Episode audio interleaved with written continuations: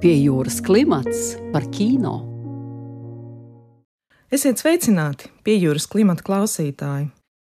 Eiropas kinofestivāla pavasaris jau 51. gadu sākas Rotterdamā, kur satiekas visas pasaules drosmīgākā kino paraugi, tiek atklātas jaunas režijas zvaigznes un īpaši godāts mazo producēšanas studiju kino.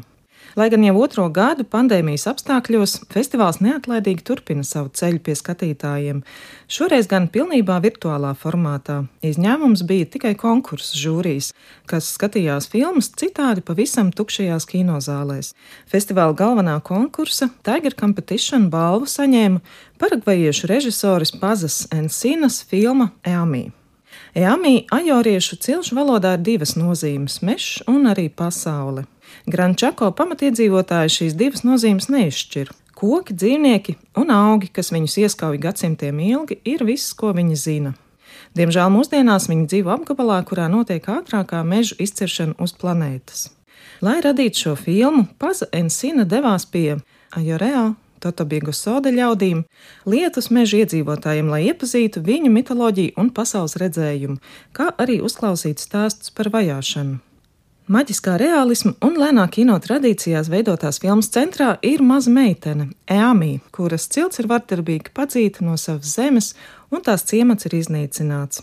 Viņas pēdējo klejojumu caur džungļiem pavada dabas skaņas un stāstījums par pieredzēto no putnu lidojuma. Žūrijas pamatojumā tika teikts, Uz mums visiem spēcīgu iespēju atstāja filma, kurai izdevies ne tikai vizuāli, politiski, un arī poētiski izgaismot globālos pamatiedzīvotāju cilšu slaktiņus, šī filma mums deva iespēju sapņot un tajā pašā laikā iespēju pamosties.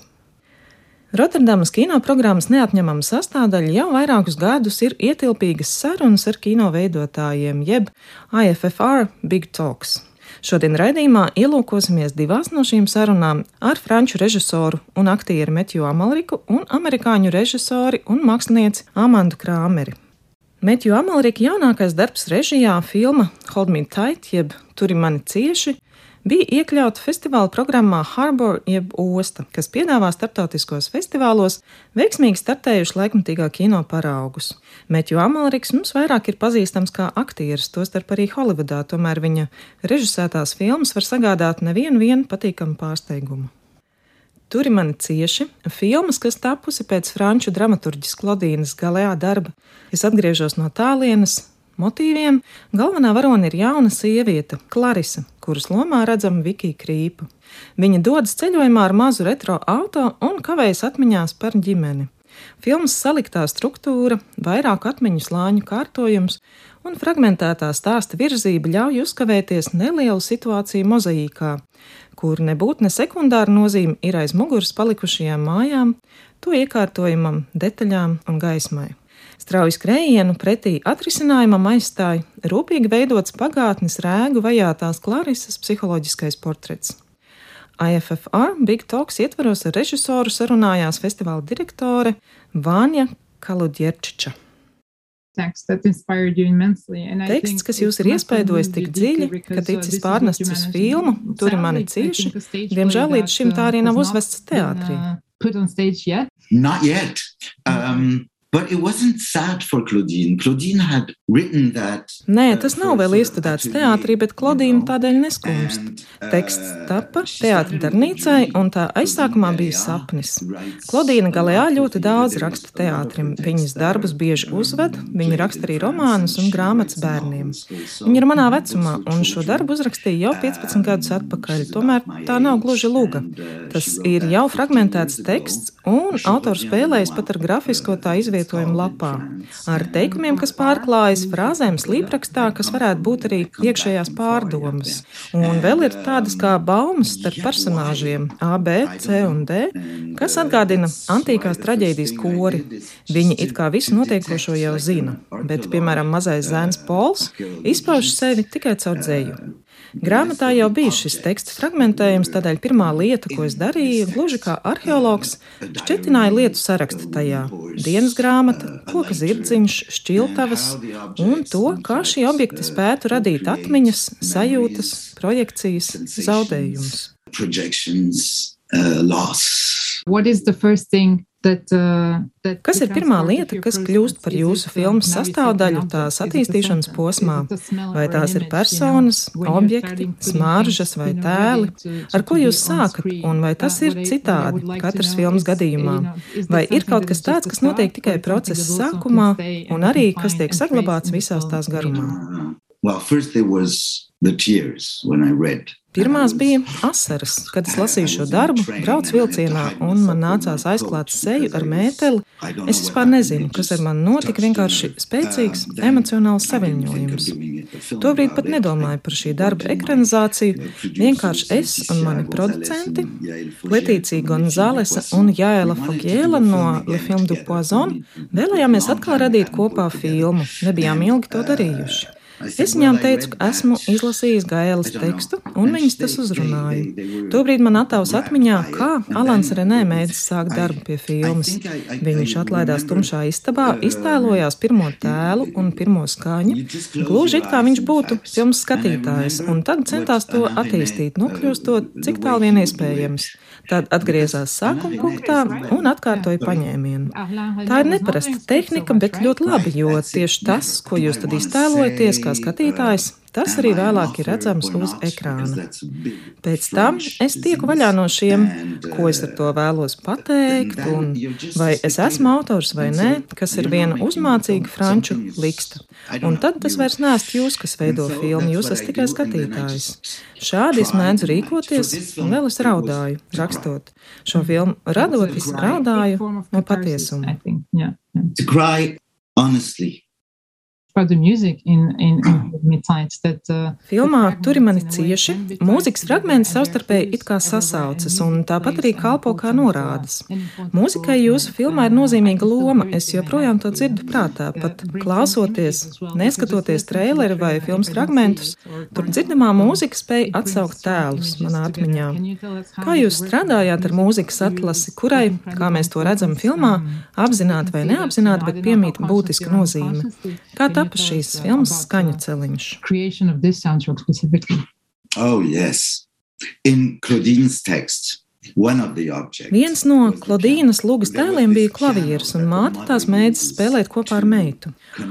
Un tad viņa arī varēja iedomāties, kā būtu, ja mana mazā meitiņa pieaugtu un kļūtu par izcilu pianisti. Un te man bija iespēja iet tālāk, varbūt kļūt par Martu Argerihu.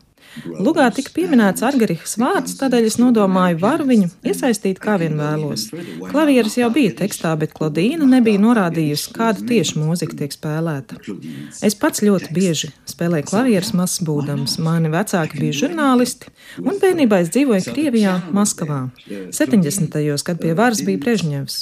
Mana māte, neticami drosmīga sieviete, panāca, ka mani uzņem Krievu mūzikas skolā. Es tur biju vienīgais ārzemnieks. Tā bija ļoti formējoša un skarba pieredze, bet kādos 12 gados es jau spēlēju ļoti labi. Tad atgriezos Francijā, palaidos slinkumā, iztrūka mūzikas rutīnas un disciplīnas. Kad pametu mājas, mitinājos tik mazās istabiņās, kur būtu jāspēlē ģitāra. Manas klavieres neceļoja kopā ar mani. Tādēļ darbs pie šīs filmas man deva iespēju iztēloties, par ko es būtu varējis kļūt, turpinot klavierspēles studijas. Atcerējos mācību posmus, skaņdarbu Elīzei, Bethovena pirmo klavieru sonāti, Debesī, un tādus skaņdarbus, kas ir manā dzīvē šobrīd, jo dzīvoju kopā ar mūziķi jau kādus sešus, septiņus gadus. Līdztekus aktuālā kino skatēm Rotterdamas kinofestivāls lepojas ar rūpīgi izvēlētām retrospekcijām, no kurām viena šogad bija veltīta Amerikas režisorei Amandai Krāmerei. Viņa ir nonākusi kino no laikmatīgās dejas pasaules, saglabājot izteikti interesi par ķermeņa iespējām, robežām, apvienojot šo izpēti ar spilgtu, neatkārtojamu režijas rokrakstu, kurš nevis seko tendencēm, bet drīzāk diktē tās. Izaicinoša estētika, huligāniski narratīvi, absolūta brīvība un flirtēšana ar sabiedrības normām ir Krāmeris mīļākais peldbaseins. Viņas īsfilmas Bark, Intervene un Sinultra ceļoja pa fantāzijas un neatkarīgā kino festivāliem, kamēr filmetrāža Lady Vold vēl kā projekts tika pamanīta Kanu un Toronto festivālos un izrādīta Londonas BFI, Seulas festivālā un citvieta.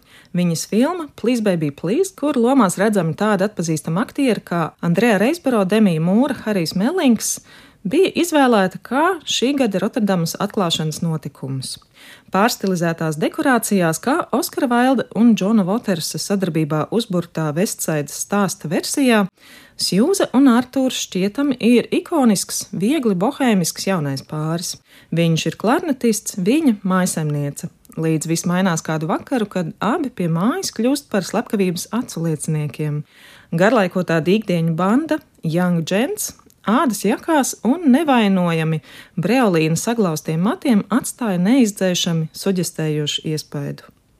Raidījuma turpinājumā ieskats Rotterdamas festivāla programmas veidotājs Mišelas Kerijas un režisors Amants Krāmeres sarunā. Paralēli filmmetrāžām jūs veidojat arī īsfilmas, kas šķiet kā tilts starp jūsu darbu mūzikas video un kino veidā, kā tajos mūzika tiek izmantota. Kā jūs nonācāt pie šīm idejām, īpaši, ja mēs runājam par intervienu ar Mortonu Feldmanu mūziku, kā arī par humoru izmantošanu, kā filmās Request un Sinultra?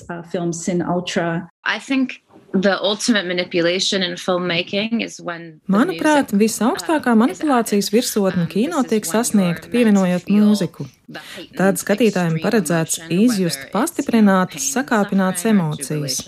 Un neatkarīgi no tā, vai tās ir sāpes vai ciešanas, trijums, pacelātība, mūzika ir tā, kas jūs noved pie sava veida orgasmiska stāvokļa.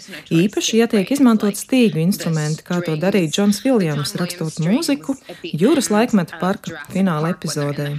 Mirklī, kad filmas varoņi ir helikopterā, jūs pilnībā pārņem jūtas. Tā ir visa notiekošā kvinta kvintesence. Un ja vien jūs kaut mazliet jūtat līdz filmas varoņiem, tieši tad notiks katarsa. Īsti kino meistari var šādi sakausēt skaņu un attēlu, tādēļ man ir tik būtiski izvēlēties, ar ko sadarboties, radot mūziku manām filmām. Tieši mūzikas autori piešķirs šo finālu akcentu, kas radīs emocionālo saikni. Manas filmas nav sentimentālas, es strādājot neesmu tik jūtīga un darbojos mazliet citas paletes ietveros, ja runājam par emocijām. Tādēļ Tādēļ man nav nepieciešams, lai mūzika radītu tieši šāda veida sajūtas. Es vēlos atrast mazliet vaiprātīgas, jukušas, histēriskas filmu muzikālās tēmas, un izfilmas ir šo meklējumu mazie portreti. Katru no izfilmām esmu uzsākusi, skaidri zinot, kādu vēlos tai skaņu un mūziku, un zinot, kā mūzikai jāizceļ filmas emocionālo tonalitāti.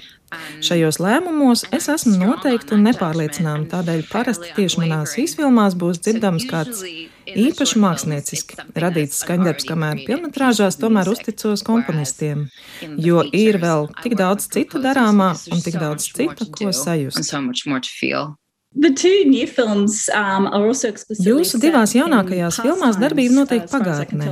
Please, baby, please piemīt neticama 50. gada rokenrola izsmalcināta estētika. Tomēr 50. šobrīd nav pati aktuālākā, stilīgākā desmitgada. Šī filma ir arī strukturēta kā 50. gada mūzikls, un tā ļoti atšķiras no jūsu iepriekšējiem darbiem. Man šķiet, ka 1950. un īpaši tā laika kino ir tik fascinējoši. Tas ir tik dīvains, plastikāta, mākslīgs laikmets ne tikai aktieru spēlē, bet arī pašiem aktieriem. Izteikti kvīrs, slepens, slēpts laiks. Manuprāt, daudz no tiem, kas strādā kino industrijā to laiku, ēģeļu un džentlmeņu laikmatā bija absolūti nelieši. Un man tas patīk, šī slepenā Holivudas vēsture, kas ir neaptverama nelietīga. Un tā laika filmas neatvairāmas.